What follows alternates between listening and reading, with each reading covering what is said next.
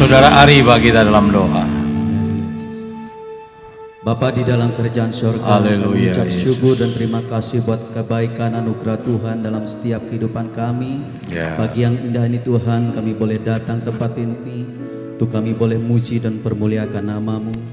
Untuk kesempatan yang terbaik yang Tuhan beri dalam setiap kehidupan kami. Terima kasih Bapa, segala sesuatu yang Tuhan kerjakan begitu baik dalam setiap kehidupan kami. Tiba saatnya pada pagi yang indah ini, kami akan persiapkan hati dan pikiran kami untuk menerima kebenaran firman-Mu. Kau pakai hambamu untuk memberitakan kebenaran firman pada pagi hari ini dan juga setiap kami yang ada di ruangan ini bahkan Bapak Ibu Saudara mengikuti live streaming di rumah biarkan hati kami persiapkan untuk mendengarkan kebenaran firman-Mu. Berfirmanlah Tuhan pada pagi hari ini sebab hati kami siap untuk mendengarkan kebenaran firman-Mu. Hanya di dalam nama Tuhan Yesus Kristus kami berdoa dan mengucap syukur. Haleluya. Amin. Amin, puji Tuhan. Silakan duduk. Selamat pagi. Selamat kita boleh kembali bertemu dalam kasih Tuhan Yesus Kristus. Bapak Ibu Saudara diberkati pada pagi yang indah ini. Amin. Allah yang kita sembah adalah Allah yang ajaib, yang luar biasa, yang boleh menolong kita semua. Ya, di minggu ini kita GPDI cukup kehilangan, ya, baik itu GPDI Jawa Tengah maupun pusat, ya, karena tanggal 18 kemarin uh, pimpinan gereja kita di Jawa Tengah, sekretaris daerah Bapak Titus Asen dipanggil pulang ke surga, saudara ya. Lalu tanggal 20 ya Bapak Pendeta Nok Mande ya bendara umum pusat juga dipanggil Tuhan pulang ke surga. Nah, beliau-beliau ini sudah berapa kali juga pernah firman di tempat ini dan saya cukup dekat dengan beliau. Kalau Bapak Titus kita sama-sama ada di uh, majelis daerah, ya kita kerjasama dengan baik. Lalu kalau Bapak Nok Mande itu dia bendara pusat, saya bendara daerah, sehingga se- apa ada kerjasama yang baik. Tetapi itulah itulah waktunya Tuhan. Ya sekali lagi selalu saya sampaikan pada jemaat di tempat ini, kita jangan takut mati karena mati bukan urusan kita dan kita tidak pernah tahu kapan waktu itu ya. Selalu saya ingatkan jangan pernah merasa aman ketika engkau sehat karena mati tidak harus sakit ya. Jangan pernah merasa aman ketika engkau masih muda karena mati tidak harus tua gitu ya. Ada orang yang sudah lama sekali ya seperti uh, almarhum Bapak Subali yang dua hari yang lalu meninggal dunia sudah ya. Sakitnya cu- cukup lama ya, sudah mungkin 6-7 tahun ya. Dulu setia sekali sudah datang sama ibunya ya yang sakit bapaknya. Eh ibunya dipanggil Tuhan, istrinya sudah ya. Ya kita tidak pernah tahu. Dan Bapak Subali bertahan cukup lama dengan kondisi sakitnya. Itulah hidup, kita nggak pernah ngerti. Karena itu ketika kita masih Tuhan berikan kesempatan hari ini, ya lakukanlah untuk Tuhan. Amin. Kita jangan takut. Banyak hari-hari ini takut saudara ya. Salah satu tante saya sempat takut saudara ya. Karena COVID yang seperti ini. Saya katakan begini. Saya pinjam kata-katanya Gus Dur. Koyo wong orang duwe Gusti wae. Apa yang kita takutkan?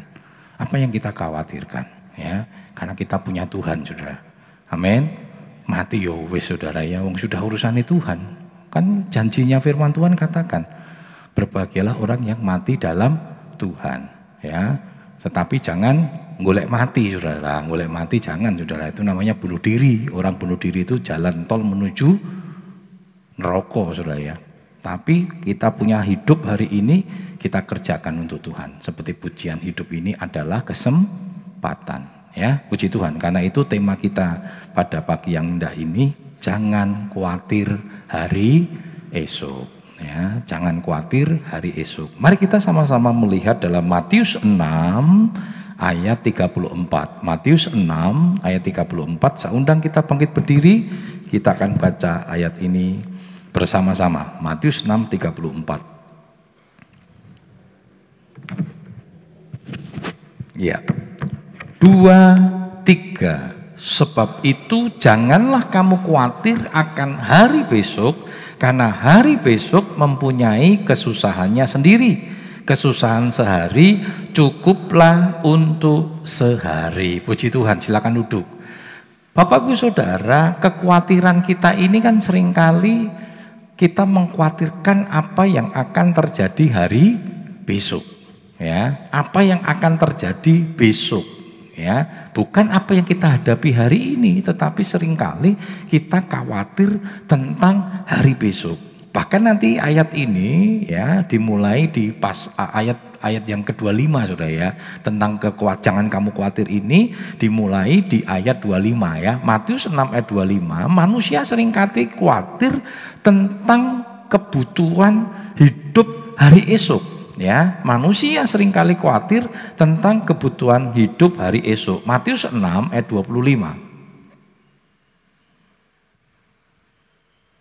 Matius 6 ayat yang ke-25 Karena itu aku berkata kepadamu janganlah khawatir akan hidupmu akan apa yang hendak kamu makan atau minum dan janganlah khawatir pula akan tubuhmu akan apa yang hendak kamu pakai Bukankah hidup ini lebih penting daripada makanan dan tubuhmu itu lebih penting daripada pakaian? Perhatikan saudara, dikatakan janganlah kamu khawatir akan hidupmu, akan apa yang hendak kamu makan atau minum ya dan akan tubuhmu. Kata akan itu bicara nanti. Ya, bukan bukan bukan hari ini, sesuatu yang akan terjadi nanti. Ya, nah sering kali yang kita khawatirkan kan tentang sesuatu yang akan terjadi nanti. Ya, tahun ini anak kita harus kuliah.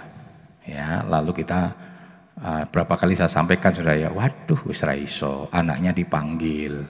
Ya, karena anak kita mungkin pintar, pengen sekolah, pengen kuliah, ya saudara ya. Lalu katakan, "Duk, le kowe sik pengen sekolah, isik ora usah." Ibu mungkin wong keran duwe ya. Kita ini orang miskin. Nah lama miskin miskin gitu ini kutukan saudara. Ini kutukan. Bukan berarti kita sombong bukan loh saudara. Itu namanya kutukan. Kita mengutuk diri kita sendiri. Wong firman Tuhan katakan apa? Kita ini kaya. Kenapa kaya? Karena berkat kita di surga selalu tersedia untuk kita. Masih ingat ya dikatakan Tuhan memberikan secara berkelimpahan itu artinya apa? Stok berkat kita di surga itu melimpah. Apalagi kalau kita ini anak-anak Tuhan Panggil anakmu, katakan, percaya ndak Bapak ndak ndak punya, Ibu nggak punya, tapi Tuhan kita kaya. Yuk kita berdoa dan percaya pasti ada jalan keluar. Amin. Amin. Kontrakane entek. Ya wis gulung kuming. Entek isik setengah tahun sudah gulung kuming sekarang. Koyone hari ini kita harus bayar kontrakan, Saudara. Nah ini yang dimaksudkan oleh firman Tuhan. Berapa banyak kita khawatir untuk sesuatu yang akan, akan, akan dan sementara kita nggak pernah tahu. Apa yang terjadi hari esok itu kita nggak pernah tahu. Makanya firman Tuhan ngomong kesusahan hari ini cukuplah hari ini. Ojo mikir ke kesusahan hari esok. Belum tentu yang kita pikirkan besok itu susah. Itu menjadi susah. Bisa juga itu menjadi berkat. Itu kan tergantung kita, iman kita. Betul nggak sudah? Kenapa sering kali akhirnya memang betul yang kita jalani besok itu susah? Karena kita sudah mengimani hari ini bahwa besok itu akan susah. Padahal kita punya Tuhan yang dahsyat. Kita punya Tuhan yang hebat. Jangan imani hari besok susah, saudara. Jangan laku keimani, ya hari ini engkau mengimani, besok akan sulit, besok akan begini, saudara. Kesusahan udah tiba, maka Tuhan ngomong, kesusahan hari ini cukuplah hari ini. Karena besok itu punya kesusahan sendiri. Ayo esok hadapi lagi bersama dengan kekuatan Tuhan. Nah saudara, mengapa kita tidak perlu khawatir tentang hari esok? Yang pertama, manusia tidak tahu apa yang akan terjadi hari esok. Loh kita ngerti kok kita khawatir. Betul nggak sudah? Kecuali kita tahu, sisok kue tabrakan lah, kita khawatir sudah. Kan kita nggak pernah tahu. Kita nggak pernah tahu. Si sono gempa. Nah kita khawatir. Hari ini khawatir. Kan kita nggak pernah tahu, sudah. Apa yang terjadi hari esok? Lewati saja bersama dengan Tuhan. Ya, kita jangan khawatir. Karena dengan kita mengkhawatirkan hari esok, itu sama saja kita mengkutuk hari esok. Sekali lagi saya katakan, dengan kita mengkhawatirkan hari esok, yang kita nggak pernah tahu, sama saja kita mengkutuk hari esok. Padahal hari lepas hari itu Tuhan berkati, betul nggak sudah? Hari ini adalah hari yang diberkati oleh Tuhan. Besok diberkati nggak sudah? Diberkati. Jadi jangan pernah mengkhawatirkan hari esok sama saja kita sudah mengutuk seperti saat tadi. Waduh, engkau sekolah wis ra ya. Kita sudah punya pikiran wis ra aku miskin Lalu malah nyalahke Tuhan. Tuhan kenapa saya buat miskin sehingga anakku ra sekolah? Lagi kan kutuk sudah. Enggak tahu bagaimana caranya Tuhan punya. Segala cara ya dikatakan kau lakunya apa itu yang kau punya cara untuk ke nolongku Tuhan punya cara. Kau selalu ya, kau selalu punya cara untuk menolongku. Tuhan punya cara. Dan caranya sering kali tidak pernah kita pikirkan. Ketika bagaimana cara Tuhan untuk membawa bangsa Israel masuk ke tanah Kanaan dengan merobohkan tembok Yeriko, sopo sing mikir bisa seperti itu. Tapi karena bangsa Israel ngutuk, ya kan? Kan mereka berkata, Raiso mati, mati, mati, mati tenang. Makanya dia berudara selama 40 tahun. Karena Tuhan sudah siapkan cara yang dahsyat. 40 tahun kemudian dengan cara yang dahsyat. Saya kira percaya yang mengalami pelaku sejarah akan cerita begini sudah. Waduh ngerti begini 40 tahun yang lalu nurut wae sama Tuhan ya sehingga sudah sampai tanah Kanaan 40 tahun yang lalu. Nah itu sering kali yang terjadi dalam hidup kita. Kita nggak pernah tahu hari esok, sudah. Karena itu jangan khawatirkan hari esok yang kita nggak pernah tahu. Nikmati hari ini, detik hari ini, besok ya kita hadapi dengan kekuatan Tuhan apa pun yang terjadi. Doa saya setiap pagi sudah sebelum saya tutup ya, doa pagi ya pada sekitar 15 sampai apa 20 jemaat apa dengan staf yang berdoa sudah nggak banyak kalau doa pagi biasanya rauke sudah ya. Nah saya selalu begini sudah, Tuhan apa pun yang terjadi, apa pun yang kami hadapi di sepanjang hari ini, kami mau hadapi dengan kekuatan Tuhan. Kami mau hadapi dengan damai sejahtera Tuhan. Kami mau hadapi dengan pemeliharaan Tuhan. Karena itu kami akan memasuki hari ini, memulai hari ini dengan ucapan syukur dan berkat yang datangnya dari Tuhan. Hadapi sudah. Karena kita nggak ngerti kan. Kenapa saya berdoa begitu? Saya nggak ngerti apa yang akan terjadi hari ini. Nggak pernah tahu, saudara. Kita nggak pernah tahu itu. Nah, coba kita lihat sama-sama dalam Yakobus 4 ayat 13 hingga 15.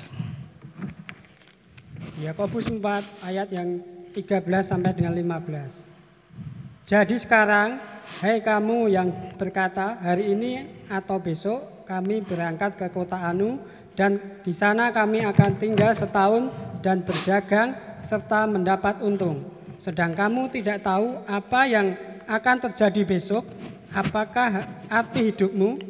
Hidupmu jika sama seperti uap yang sebentar saja kelihatan lalu lenyap.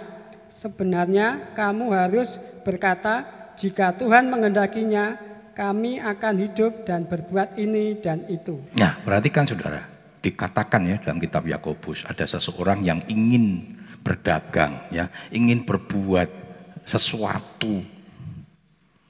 Lalu disarankan oleh firman Tuhan, ini adalah hikmat firman Tuhan dia berkata, kita tuh tidak akan pernah tidak tahu apa yang akan terjadi. Ya, pasti ya sudah kalau kita ingin dagang kan pasti hitung-hitungannya untung sudah. Tapi berapa banyak?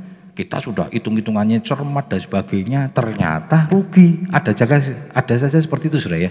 Ya sudah, hadapi saja, lewati saja, kita mencoba sesuatu yang baru atau mungkin kita perlu bertahan ya, perlu bertahan.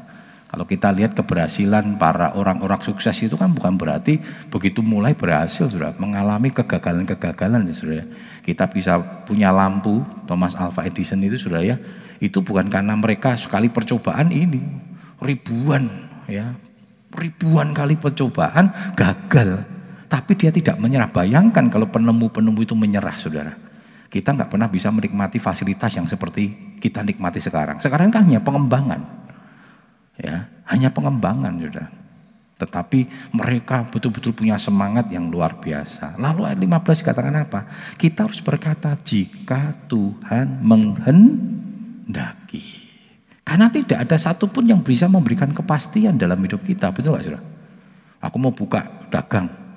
terus berdoa. Nah kenapa sih saudara? Kalau ketika saudara minta mau buka usaha baru sembayang, kan supaya Tuhan to tolong. Kan gitu saudara ya. Tuhan tolong, kita doakan supaya dagangannya lancar, supaya Tuhan berkati. Semua dikembalikan kepada Tuhan. Kenapa? Karena kita nggak pernah tahu hari esok. Karena itu kita nggak perlu khawatir untuk sesuatu yang kita tidak tahu, betul nggak saudara?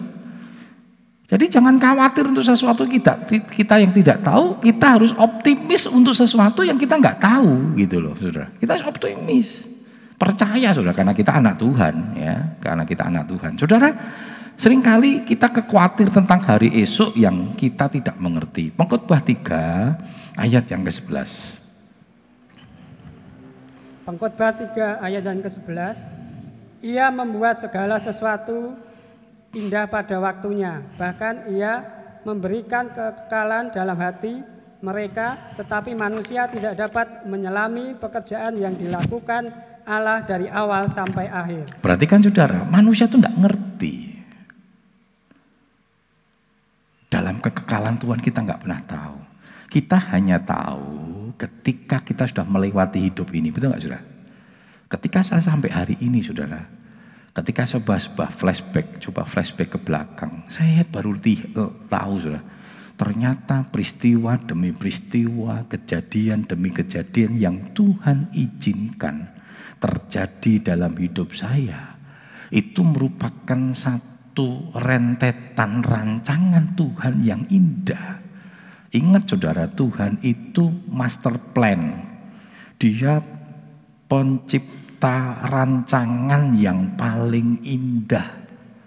Dan kita bukan siapa-siapa. Saudara boleh merencanakan berapa banyak eh, eh, planning-planning kita ini berantakan. Pernah ngalami ya saudara ya?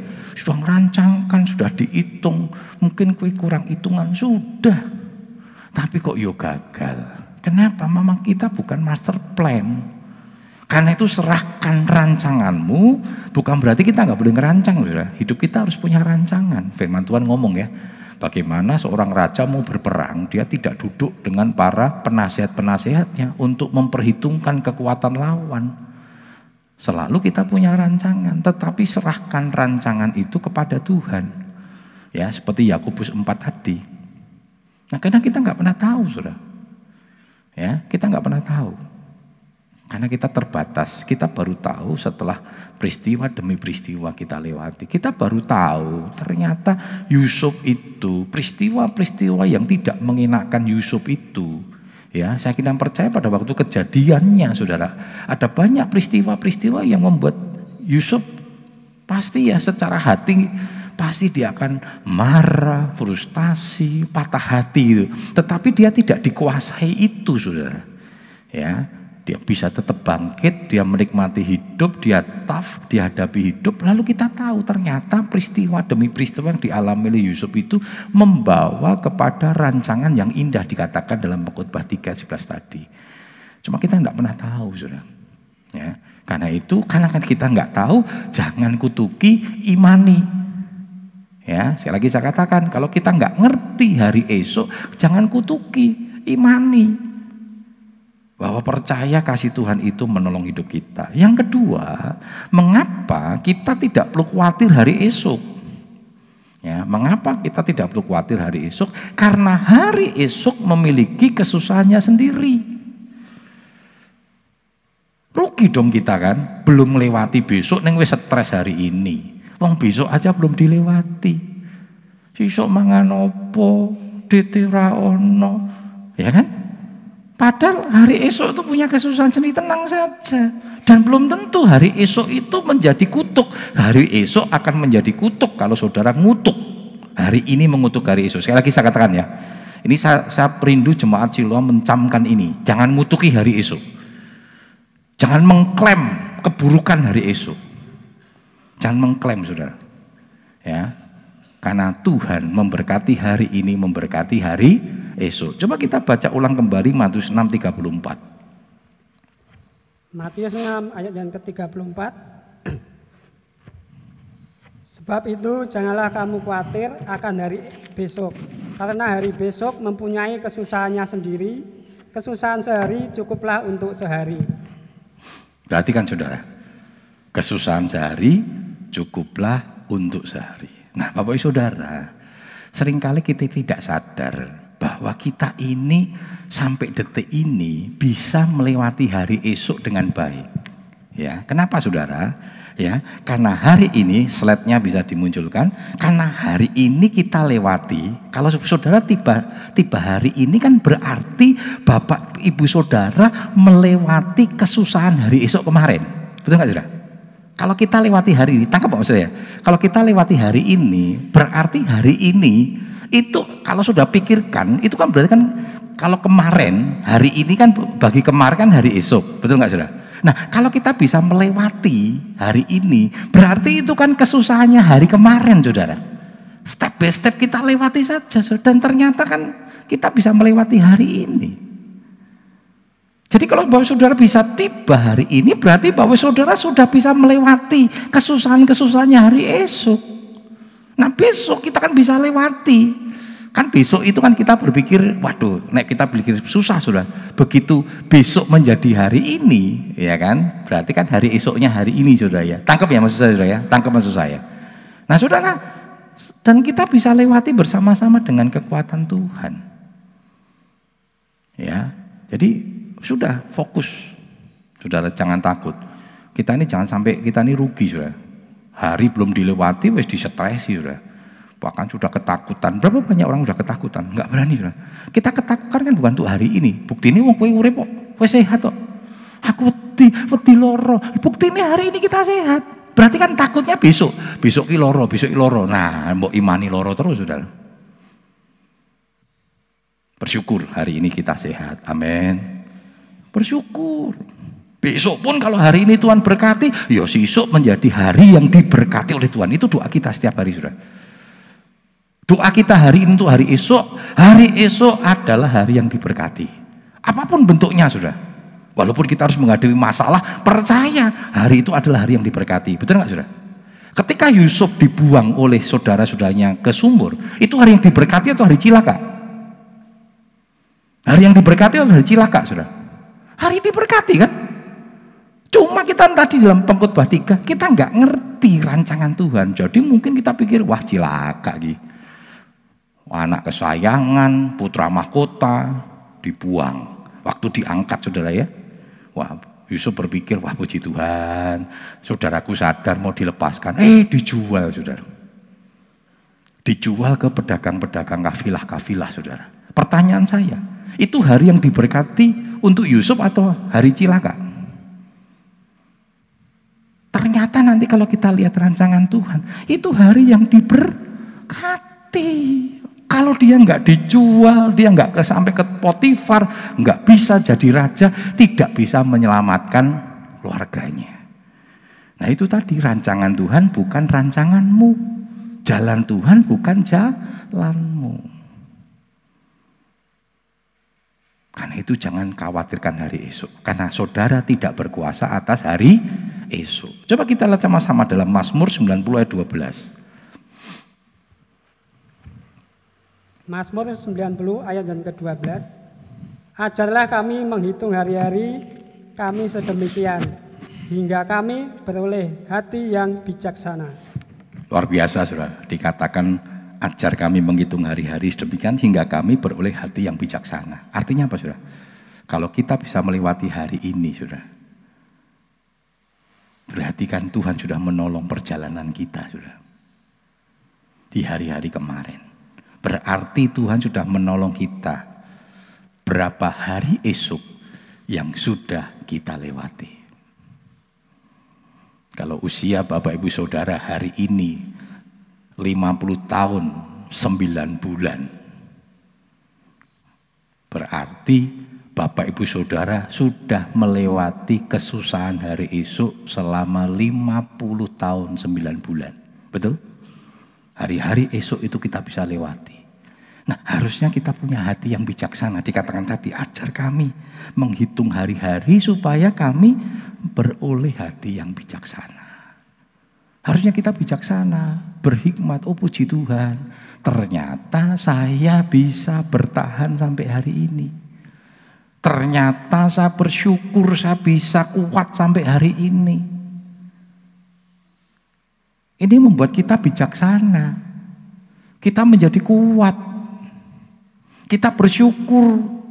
Karena itu kita harus bersyukur kalau Bapak sudah bisa melewati hari ini dalam kondisi apa pun, dalam keadaan apa pun. Berarti Bapak sudah sudah melewati proses demi proses perjalanan hidup, kesusahan demi kesusahan ya.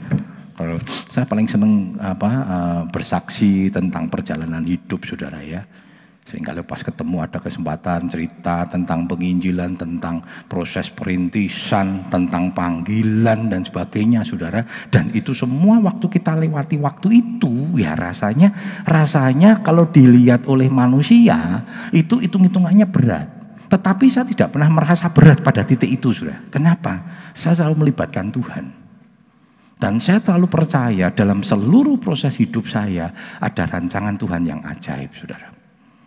Ada rancangan Tuhan yang ajaib. Karena kalau tidak ada peristiwa demi peristiwa yang oleh manusia, hitungan manusia itu tidak mengenakan, kita tidak pernah bisa sampai pada titik hari ini, saudara. Itu pun yang saya hadapi, saudara. Kalau saya tidak pernah mengalami titik-titik itu, di resolusi, ya, jadi pernah kita beli tanah, seberapa kali saya sampaikan di resolusi, Nah, resolusi pada waktu itu menjadi cerita yang tidak mengenakan kan. Tetapi ketika kita bisa melewati ajar kami Tuhan menghitung hari-hari dan kalau kita bisa melewati itu sekarang itu menjadi cerita indah. Kalau saudara rindu melihat pertolongan Tuhan, saudara rindu melihat pemeliharaan Tuhan ya pasti mengalami titik kondisi-kondisi yang tidak eh, enak. Janda Sarfat tidak akan melihat mujizat Tuhan kalau dia tidak mengalami masa krisis. Betul nggak saudara ya? Hanya segegam tepung sebuli-buli minyak. Tapi dia melihat dia ngandalin Tuhan saudara. Dan Tuhan tolong. Terlampau banyak dalam hidup kami berdua khususnya. Kalau saya sebelum menikah sudah sering saudara ya. Saya hamba Tuhan saudara ya. Nah, Tuhan izinkan itu terjadi. Ya, seizinkan Tuhan terjadi. Tapi kami boleh melihat bagaimana pertolongan Tuhan di tengah-tengah masa krisis. Nah saudara, saya dulu pernah kesaksian, tetapi saya rindu ini saya sampaikan kembali ya. Waktu saya praktek di kota Jakarta, saudara, saya melayani ada seorang bapak-bapak yang kena stroke piansui. Kalau bapak-bapak saudara masih ingat, saya pernah nginjili dia, lalu dia marah, saudara, ya, karena dia orang Konghucu, lalu anaknya anaknya dilarang untuk ibadah. Wah saya merasa bersalah waktu itu. Saya berpikir gini, Tuhan ampuni saya. Saya nginjili bukan menangkan jiwa, malah kehilangan jiwa. Anaknya dua, putri-putri sudah ya. Tidak boleh ibadah karena gara-gara dia marah, bapaknya tak injili sudah. Nah singkat cerita, saya minta ampun sama Tuhan. Begini sudah, jangan pernah takut. Kalau engkau punya motivasi yang benar, motivasi yang baik, mungkin caramu salah. Tuhan kita itu luar biasa sudah. Dia akan apa namanya mengembalikan cara itu dengan cara Tuhan yang ajaib. Dalam rasa kebersalaan saya, tahu-tahu bapak ini kena stroke, saudara. Ya, itu saya akan bicara cara Tuhan, saudara. Nah, kena kena kena stroke, nggak bisa ngomong, saudara ya. Lalu pada waktu saya dikasih tahu, saya datang ke sana. Waktu saya datang ke sana, saudara, banyak tetangga-tetangga yang datang, saudara, nengok. Nah, waktu saya datang ke sana, bapak itu melihat, saudara, dia nggak bisa ngomong, neng duding-duding, gitu sudah. Saya tahu bahasanya dia begini, pergi kamu, lu mau kamu, wong Kristen ya, rasa nginjil aku udah sebagai mungkin gitu sudah ya. Tapi saya mencoba menerjemahkan sendiri.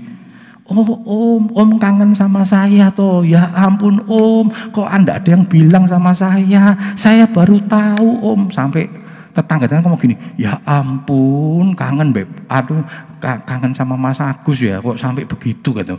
Terus tak doa, no sudah, sembahyang ke ya om, lo ini ke, ayo wes, oh, seneng ya om yang tak doa ke, padahal ya ora seneng, wong gue meh nesu mungkin ya, oh coco mungkin gitu sudah.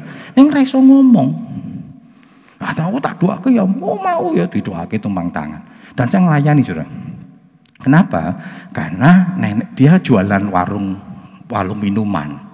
Lalu sama neneknya, neneknya waktu itu sudah 80 tahun.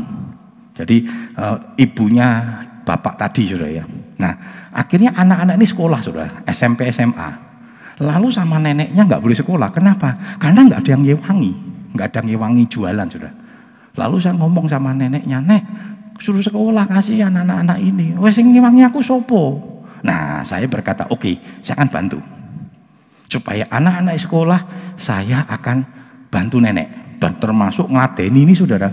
Ngeladeni yang sakit ngebrok ya saudara. Ya saya harus maaf bicara yang besar sama kecil tak layani. Kan neneknya udah nggak kuat sudah Nah, biar anak-anak sekolah. Nah, saya sebelum jam 7 sudah harus sampai sana. Singkat cerita, ya, saya apa namanya bilang sama gembala saya, ya, gembala saya izinkan Saudara. Lalu biasanya saya jam 5 doa pagi, selesai jam 6 saya beres-beres ya. Saya ngepel gereja, gerejanya nggak terlalu besar Saudara Asa jam 4 pagi saya ada teman pengerja sudah. Saya nggak mau gara-gara saya pengerja kerja sendiri ya. Teman pengerja saya jam 4 pagi doa, jam 5 sementara sementara teman saya pengerja berdoa saya ngepel, takpel dewi sudah. Dan saya langsung berangkat. Nah singkat cerita satu kali saya mengalami kondisi krisis sudah. Untuk ke sana membutuhkan membutuhkan biaya sekali jalan 500 rupiah. Singkat cerita pada waktu itu uang saya tinggal seribu.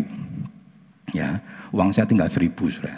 Nah, sehingga uh, sekali ber, apa namanya sudah sampai sana waktu mau pulang ting, apa namanya tinggal seribu rupiah ya berarti kalau di dibuat naik apa, bukan kopaja apa mikrolet ya mikrolet itu lima uh, ratus sudah ya lima ratus berarti tinggal lima ratus satu sedang nanti mikrolet sudah ya sedang nanti mikrolet gitu weh wadah jemaat saudara yang tinggalnya nggak jauh dari gereja saudara Kakus mau ke mana? Pulang. Pulang ke mana ke gereja? Wes nunut katanya. Wah, Tuhan selamatkan 500. Jadi kondisi-kondisi itu sudah itu ternyata 500 rupiah itu bernilai sudah ya. Wah, Tuhan selamatkan ya. Besok berangkat lagi pagi-pagi sudah.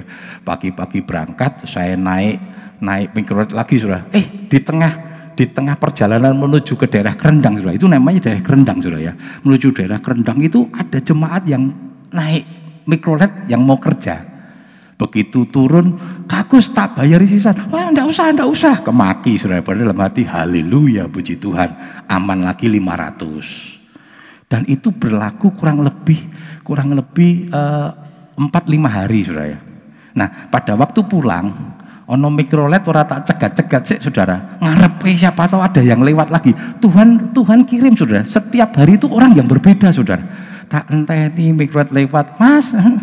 Tak tekisik sudah iki pengharapan manusia sudah akhirnya wong sampai malam orang sing lewat-lewat saudara. Ya akhirnya naik juga sudah nah uang tinggal 500 nah, saya berpikir begini besok paginya saya berpikir begini sudah kalau saya lah ini pikiran manusia saya lupa saya mikir ke hari esok bukan hari esok lagi hari nanti sudah ya nanti sore nah saya berpikir gini kalau saya naik mikrolet sekarang berarti pulang jalan kaki dan itu jalan kaki cukup lumayan sudah. Yang orang tahu Jakarta Kerendang Tanah Abang itu jauh sudah ya. Ya, Tendang Tanah Abang itu jauh. Saya pikir kalau saya naik mikrolet 500 hari ini, ya hari ini naik, berarti pulangnya pulangnya saya jalan kaki. Kan malam. Ah, daripada pulangnya jalan kaki, saya paginya yang jalan kaki, saudara. Saya jalan kaki, saudara. Wah jalan kaki saudara ya. Sampai sana kemeringet saudara ya. Lalu ditanya sama uh, adik-adik ya waktu itu kan. Rada terlambat, wong saya terlambat juga sudah. Lu Kak kenapa? Kok keringetan? Saya jalan kaki. Lu kok jalan kaki kenapa? Orang di duit. Enggak ada. Ada wong mangatus rupiah saudara. Saya enggak ngapus ya. Enggak. Olahraga saudara. Olahraga saudara. Ya, singkat cerita siang harinya sudah. Uh, daerah Kendang itu daerah kumuh saudara. Daerah pecinan tetapi kumuh dan itu banyak yang miskin-miskin. Nah, saya itu dekat dengan saya banyak apa uh, melayani di daerah sana, ya saya rintis anak-anak muda. Nah, sering kali uh, mereka itu saya yang jajak kisra. Kalau mereka main ke gereja gitu, ngumpul-ngumpul, yuk yuk makan, makan warteg, makan apa. Nah, tahu-tahu pada waktu ada anak-anak sekolah minggu yang sering kali saya traktir. Dia datang begini, dia sering main-main ke rumah ke rumah nenek itu karena saya di situ ya, tiap hari kan melayani. Nah, lalu dia ngomong begini, tahu-tahu ngomong begini, Kagus, Kagus nggak punya duit ya? Oh, tahu-tahu ngomong gitu sudah, Kagus, Kagus nggak punya duit loh. Ush, siapa yang bilang? Saya bilang, ada, saya bilang, lihat dompetnya gitu. Lihat dompet. Nggak boleh, anak kecil mau lihat dompetnya orang tua, saya bilang, nggak boleh. Ah, aku tidak punya du duit pasti. Saya bilang, enggak, saya bilang. Terus dia pergi, sudah. Saya sampai bercermin loh, saudara. Wajah saya itu wajah melas gitu, menunjukkan saya ini sedang orang duit duit gitu. Enggak, eh, masih suka cita, saudara. Enggak lama kemudian, satu jam kemudian, saudara, dia datang sama anak-anak sekolah minggu. Dia ngomong begini, Kak Agus, Kak Agus kan sering ngasih kami, memberkati kami. Kalau hari ini kami ingin memberikan sesuatu sama Kak Agus, Kak Agus mau terima enggak? Dia bilang gitu. Ya lihat dulu, lihat dulu kamu kasih apa. Kalau Kak Agus gak terima, Kak Agus bukan kakak kami. Tapi kalau Kak Agus terima, Kak Agus kakak kami. Saya bilang, dia bilang begitu sudah. Ah nanti dulu saya bilang, pokoknya harus terima. Dia langsung masukkan ke kantong saya sudah, bilang gitu. Terus lari. Saya eh nanti dulu apa? Amplop saudara amplop isinya receh. Recehan sudah, recehan itu, recehan. Saya bilang, ya apa ini saudara? Tak buka di recehan saudara. Saya masuk kamar mandi yo hari itu butuh ya saudara. Tak hitung saudara, empat ribu rupiah. Empat ribu rupiah saudara. Ternyata usut punya usut. Anak tadi terus pergi kolektor saudara anak-anak suami tagih, eh kini sum, anu, ayo ayo nyumbang kok untuk untuk ke Agus gitu sudah. Tapi saya tidak pernah tahu, saya tidak sampai hari ini belum pernah tanya apa yang menggerakkan dia, saudara. Tetapi saya tahu cara Tuhan, saudara. Tuhan bisa memberkati, bukan dari orang kaya. Dari anak-anak minggu yang sering kali saya traktir mereka. Dan waktu itu 4 ribu, berarti kan sebenarnya Tuhan siapkan saya uang untuk mikroleto sudah sebenarnya. Nah itulah, saya tadi salah dikit saudara. Kenapa saya takut nanti jalan? Padahal Tuhan sudah siapkan. Dan semenjak berkat 4000 itu sudah untuk saya. Tuhan limpahkan saya dengan berkat-berkat sampai saya menyelesaikan masa praktek saya saudara. Saudara jangan pernah takut. Amin. Cara Tuhan tuh aja, po. Eli aja belum ojo. Sering kali kita ini kan yang menyebabkan merasa tidak ditolong, saudara sudah punya jawaban kalau Tuhan nolong saya itu gini loh. Padahal Tuhan tolong. Elia burung gagak bisa dipelihara. Kan dipelihara bukan dengan hal, hal yang luar biasa sudah. Janda sarfat. Jangan takut sudah. Apa yang kau hadapi hari ini, jangan takut dari esok. Tuhan punya cara. Amin. Tuhan punya cara. Dan jangan kutuki hari esok, berkati hari esok. Terakhir, mengapa tidak boleh khawatir hari esok? Hari esok ada di tangan Tuhan. Mazmur 106 ayat yang pertama. Mazmur 106 ayat yang pertama. Haleluya. Bersyukurlah kepada Tuhan sebab ia baik, bahwasanya untuk selama-lamanya kasih setianya. Amin. Bersyukur kepada Tuhan sebab ia baik bahwasanya untuk selama-lamanya kasih setia.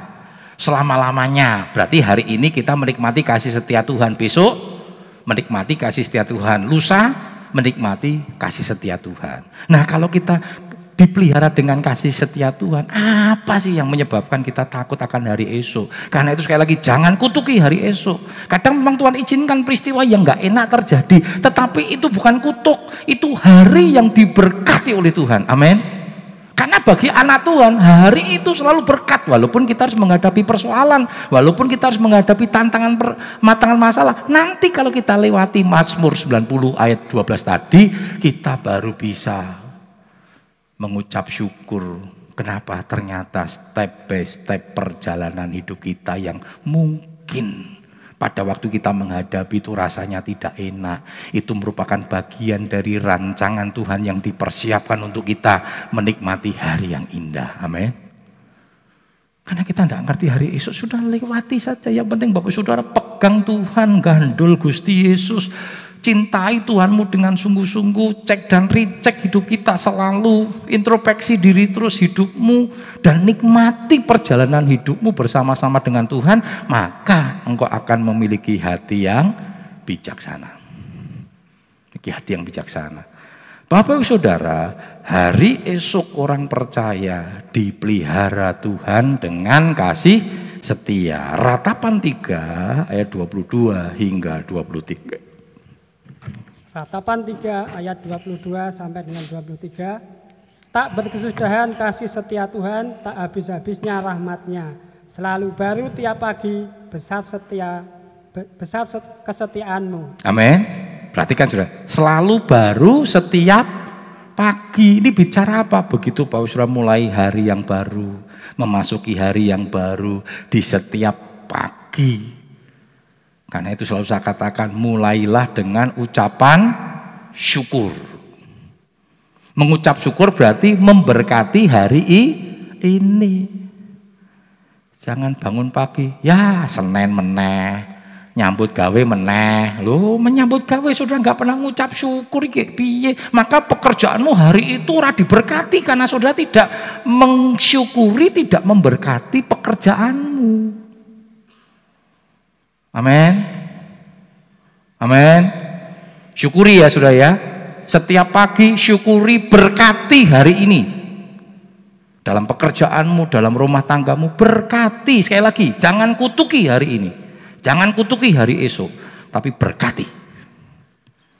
Karena kita selalu diberkati Tuhan. Dikatakan, kita dipelihara kasih setia. Setiap pagi baru lagi. Artinya apa? Pengalaman-pengalaman baru Tuhan izinkan Walaupun itu tidak mengenakan untuk daging kita, tetapi itu hari yang diberkati. Nanti baru kita melihat proses perjalanan itu. Pengkhotbah 3:11 tadi indah pada waktunya. Mari yang selalu membenci hari esok, yang selalu ngutuki hari esok, yang selalu khawatir hari esok, ubah mindsetmu, ubah cara pandang kita untuk hari esok. Hari esok adalah hari yang diberkati oleh Tuhan. Amin. Hari yang selalu kita menikmati kasih setia Tuhan yang baru. Karena itu, berkati hari esok. Jangan kutuki hari esok. Mari kita bangkit beri bersama-sama. Ajar kami Tuhan menghitung hari-hari agar kami beroleh hati yang bijaksana. Ajar kami Bapa hidup dalam jalanmu agar semua rencanamu digenapi. Terima kasih Tuhan. Mari, kalau ada di antara kita yang sering kali mengutuki hari esok, engkau khawatir tentang hari esok, itu sama saja kita sedang memberikan kutuk untuk hari esok. Minta ampun sama Tuhan. Dan mulailah, mulai hari ini, hari esok adalah hari yang selalu diberkati. Berkati hari esok. Dan jangan khawatir. Karena Tuhan yang pegang hari esok. Haleluya. Saudara Richard bagi kita dalam doa. Segala pujian syukur hanya bagi namamu Tuhan. Firman yang indah yang kami terima pada pagi hari ini mengajarkan kami agar tidak khawatir akan hari esok ya Bapa. Hidup kami kami tetap serahkan semuanya ke dalam tanganmu. Biarlah Tuhan yang beracara, biarlah kehendak Tuhan yang terjadi dalam kehidupan kami ya Bapa. Terima kasih Tuhan, Kau memberkati hambamu yang telah menyampaikan kebenaran firman. Saat ini Tuhan kami siap untuk memberikan korban persembahan kiranya Tuhan senantiasa memberkati tangan-tangan yang akan memberikannya Bapak. Terima kasih Tuhan. Hanya di dalam nama Tuhan Yesus. Haleluya. Silakan duduk Bapak yang dikasih Tuhan. Selanjutnya saya undang untuk petugas kolektor untuk maju ke depan.